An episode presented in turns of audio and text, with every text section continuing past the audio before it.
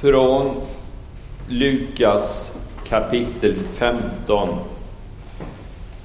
Förlorad och återfunnen är texten, eller är rubriken. Och egentligen är det ju då, om du följer kyrkoårets texter, vers 8, 9 och 10 som är texten. Men jag läser från början till och med vers 11, 12. Lukas 15 från vers 1. Alla tullindrivare och syndare sökte sig till Jesus för att höra honom. Fariséerna och de skriftlärde förargade sig och sa Den mannen umgås med syndare och äter med dem. Då gav han dem denna liknelse. Om någon av er har hundra får och tappar bort ett av dem, lämnar han då inte de 99 i öknen och går och letar efter de borttappade tills han hittar det? Och när han har hittat det blir han glad, lägger det över axlarna och när han kommer hem samlar han sina vänner och grannar och säger till dem Gläd er med mig, jag har hittat fåret som jag hade förlorat. Jag säger er, på samma sätt blir det större glädje i himlen över en enda syndare som omvänder sig än över 99 rättfärdiga som inte behöver omvända sig. Eller om en kvinna har tio silvermynt och tappar bort ett av dem, tänder hon då inte en lampa och sopar hela huset och letar överallt tills hon hittar det? Och när hon har hittat det samlar hon sina väninnor och grannkvinnor och säger Gläd er med mig, jag har hittat myntet som jag hade förlorat. På samma sätt säger jag er, gläder sig Guds änglar över en enda syndare som omvänder sig. Han sa till dem, en man hade två söner. Den yngste sade till fadern, Far, ge mig den del av förmögenheten som ska bli min. Då skiftade fadern sin egendom mellan dem. Och sen fortsätter den berättelsen, där den vi kallar den förlorade sonen. Han verkställer, eller förverk, verkställer eh, sitt arv, gör pengar av det, reser bort och hamnar i främmande land. Lukas evangeliets 15 kapitel har kallats evangeliernas evangelium. Och någonstans så möter du Guds djupaste tanke i de här tre berättelserna som egentligen är en liknelse.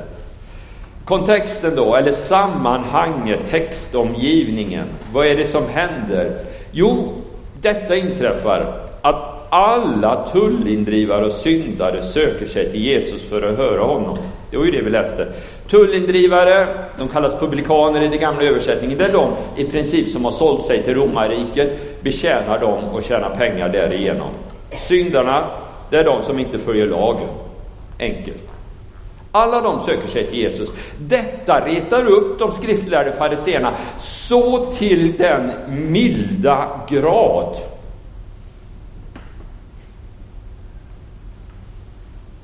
Och i det sammanhanget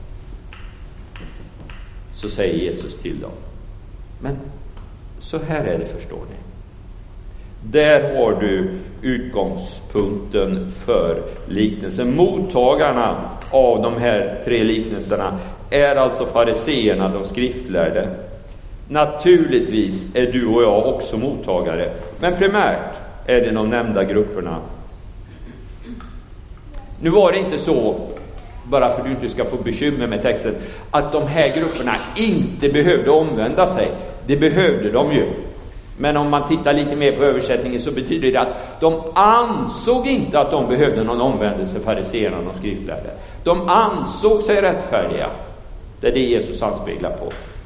De, om någon, behövde omvändelse. Nu kommer jag måla upp fyra snabba bilder för dig på några minuter ur den här texten. Jag har sugit på den sen första maj när jag predikade sist. Och jag har haft så många ingångar så det blir antagligen pannkaka alltihop idag då. När jag inte kunde välja mig. Det första som jag tänker på när jag läser den här texten, back, där, tack. Det är just det där, se upp. Jag vet att den här bibeltexten beskriver om någonting mer än någonting annat. Guds kärlek, Gud, hur Gud söker, hur Gud längtar, hur Gud är utgivande, hur Gud älskar oss som människor. Men det allra första som jag funderar på i texten, det är just det här lilla, se upp. För det finns en varning i den här texten. Det finns någonting som fäster min uppmärksamhet. Alla tullar och syndare sökte sig till Jesus för att höra honom. Vad är det då som är det där se upp? Jo, att inte bli som fariseerna, de skriftlärde. Att inte bli som dem. Vad gör de för fel eller vad är det som inte är så bra med dem då? Ja, för det första så missbedömer de fullständigt sammanhanget. De gör en total misstolkning av sammanhanget. De människor som Jesus kom till jorden för, de isolerar man sig ifrån. De Jesus kom för, de isolerar fariseerna sig ifrån. Visst, det var tullindrivare, det var publikaner, det var syndare. Men konsekvensen blir att fariseerna och de skriftlärde på något sätt bildar en egen religiös klubb som är så upptagna med sig själv så de tror att de behöver inte någon omvändelse en gång. De är ju i stort sett fullkomliga.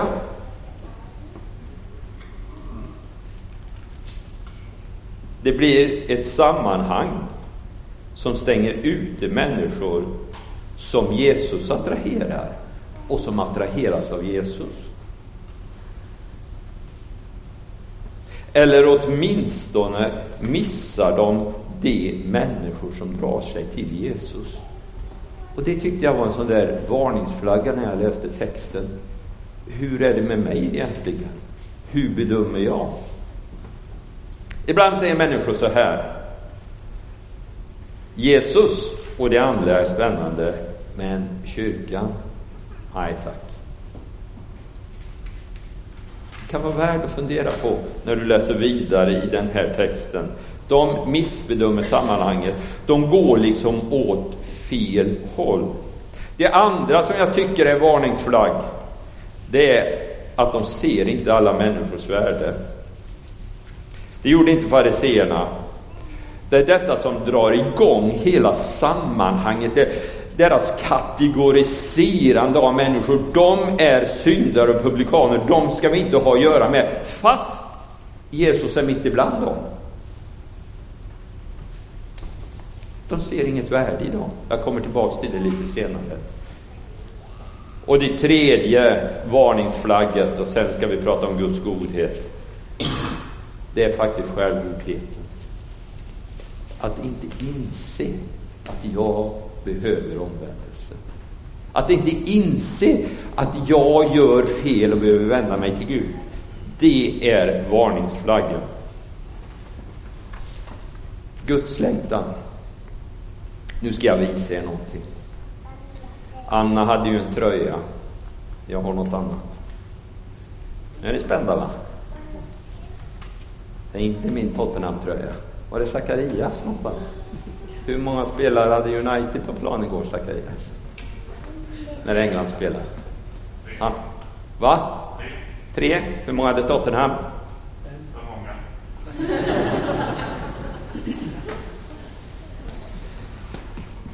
Det här är ett fotbollsalbum. Från 1968. Jag har egentligen två från det årtalet. Eller rättare sagt, jag hade två. Ett fotboll, det här, och ett ishockey. Fotbollsalbumet är inte komplett. Det fattas en hel del kort. Ishockeyalbumet var, eller är, komplett. Tyvärr, någonstans vet jag inte vad det är idag.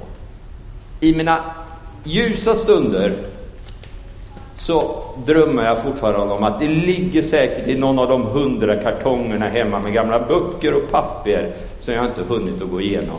Men i de flesta mörka stunder så tänker jag det har hamnat på sortergården i någon olycklig utsortering. Och till 99 procent chans så tror jag att det är det sista.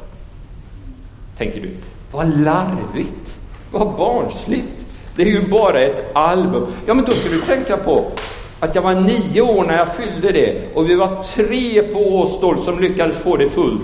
Och de andra var betydligt äldre än mig. Jag var yngst och jag hade det fullt. Och vi bytte kort och jag lyckades trada till mig rätt kort. Det är klart att jag älskar mitt album. Självklart. Och självklart ibland så kan jag känna en sorg över att jag inte har det kvar. Inte för att det betyder något ekonomiskt, men det skulle vara, det har ju varit mitt, jag har ju slitit för det. Jag har ju verkligen slitit för det som nioåring. Och då längtar jag efter det albumet. Och det är precis det som den här bibeltexten ytterst handlar om.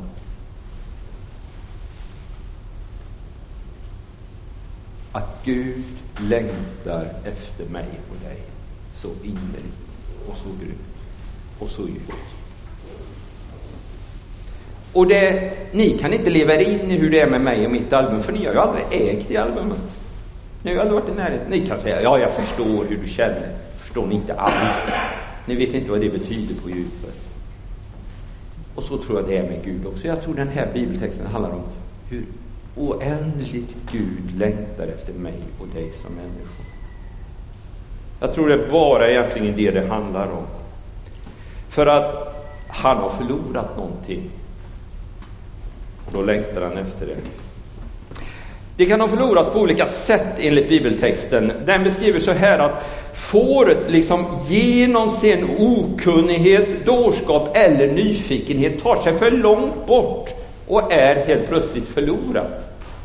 Myntet, det bara tappas bort. Det hamnar mitt mellan stolarna, kvinnan är lite ovaksam ibland och så vidare och så är myntet borta. Men det är ändå förlorat för Gud.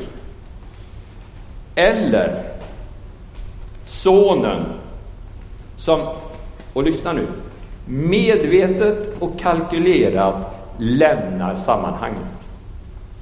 Medvetet och kalkylerat lämna sammanhanget.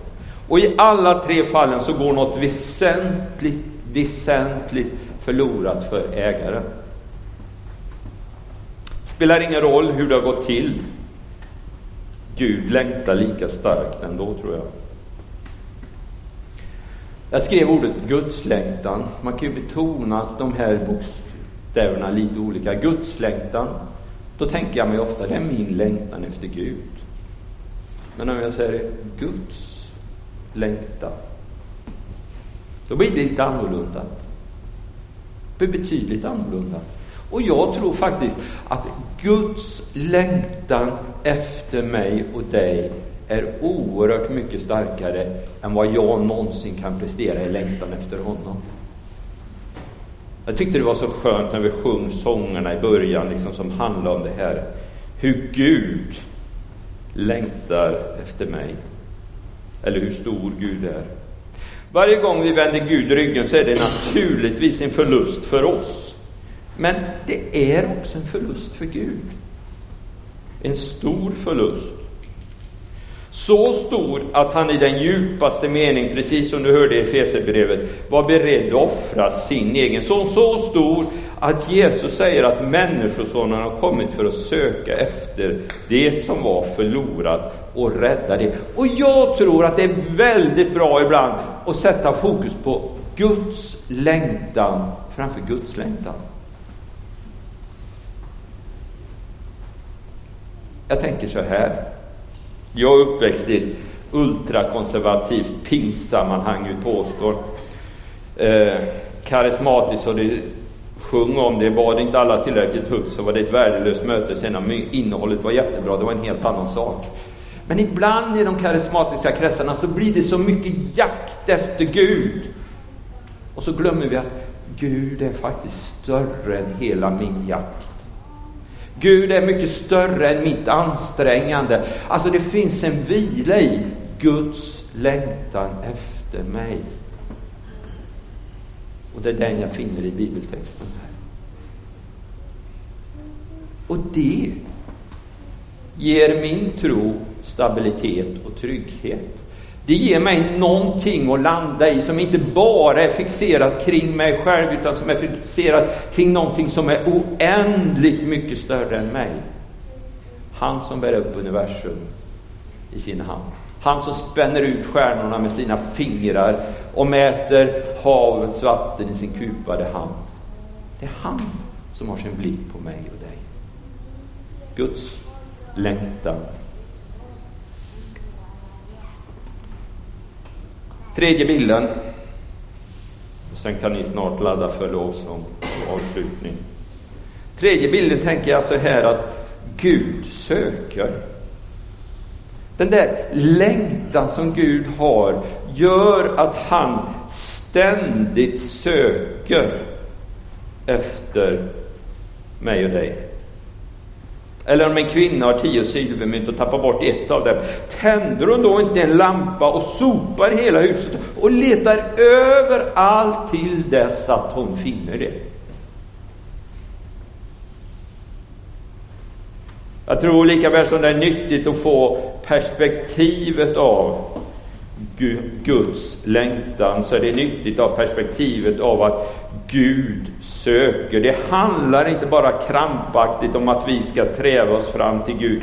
Det handlar om att det finns ett sökande som strömmar emot dig. Vi är inte glömda hos Gud, även om vi ibland känner det så.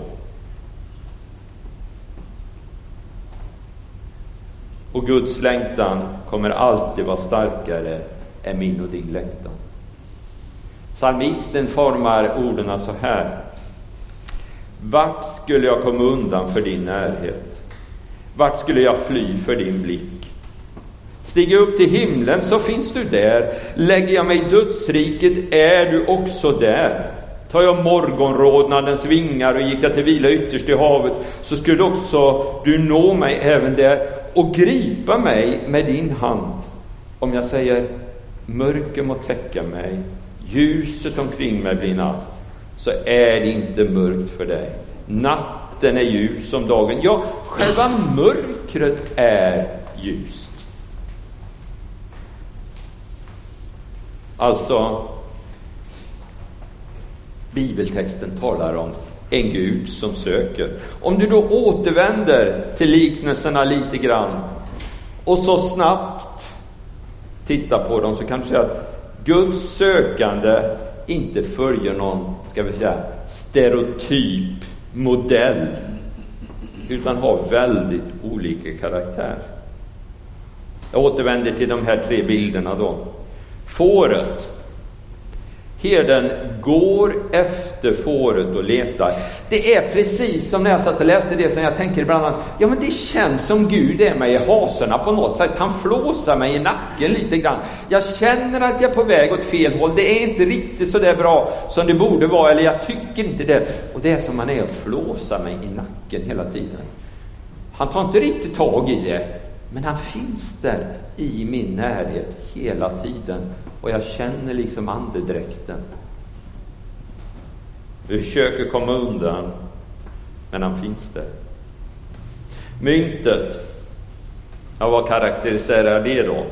Ja, jag skulle kunna tänka mig så här alltså att det är de där passagerna i livet när Gud söker mig och dig, när du tycker att allting vänds upp och ner.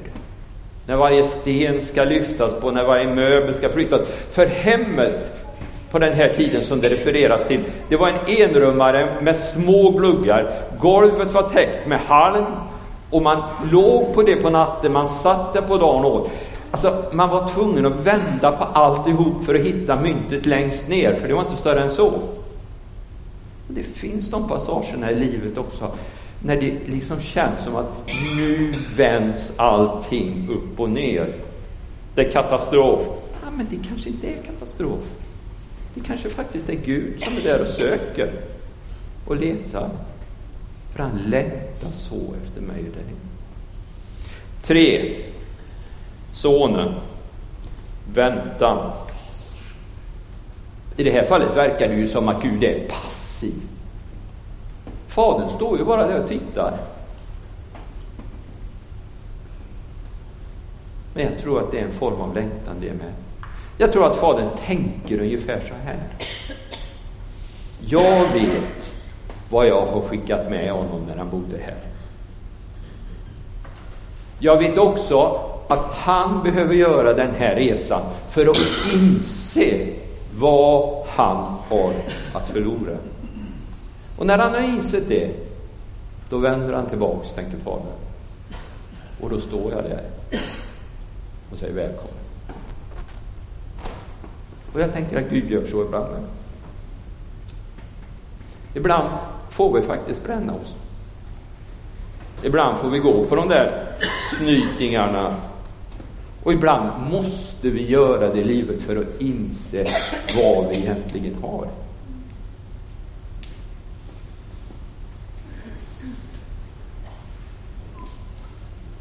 Nu kanske du sitter här och känner igen dig i någon av bilderna.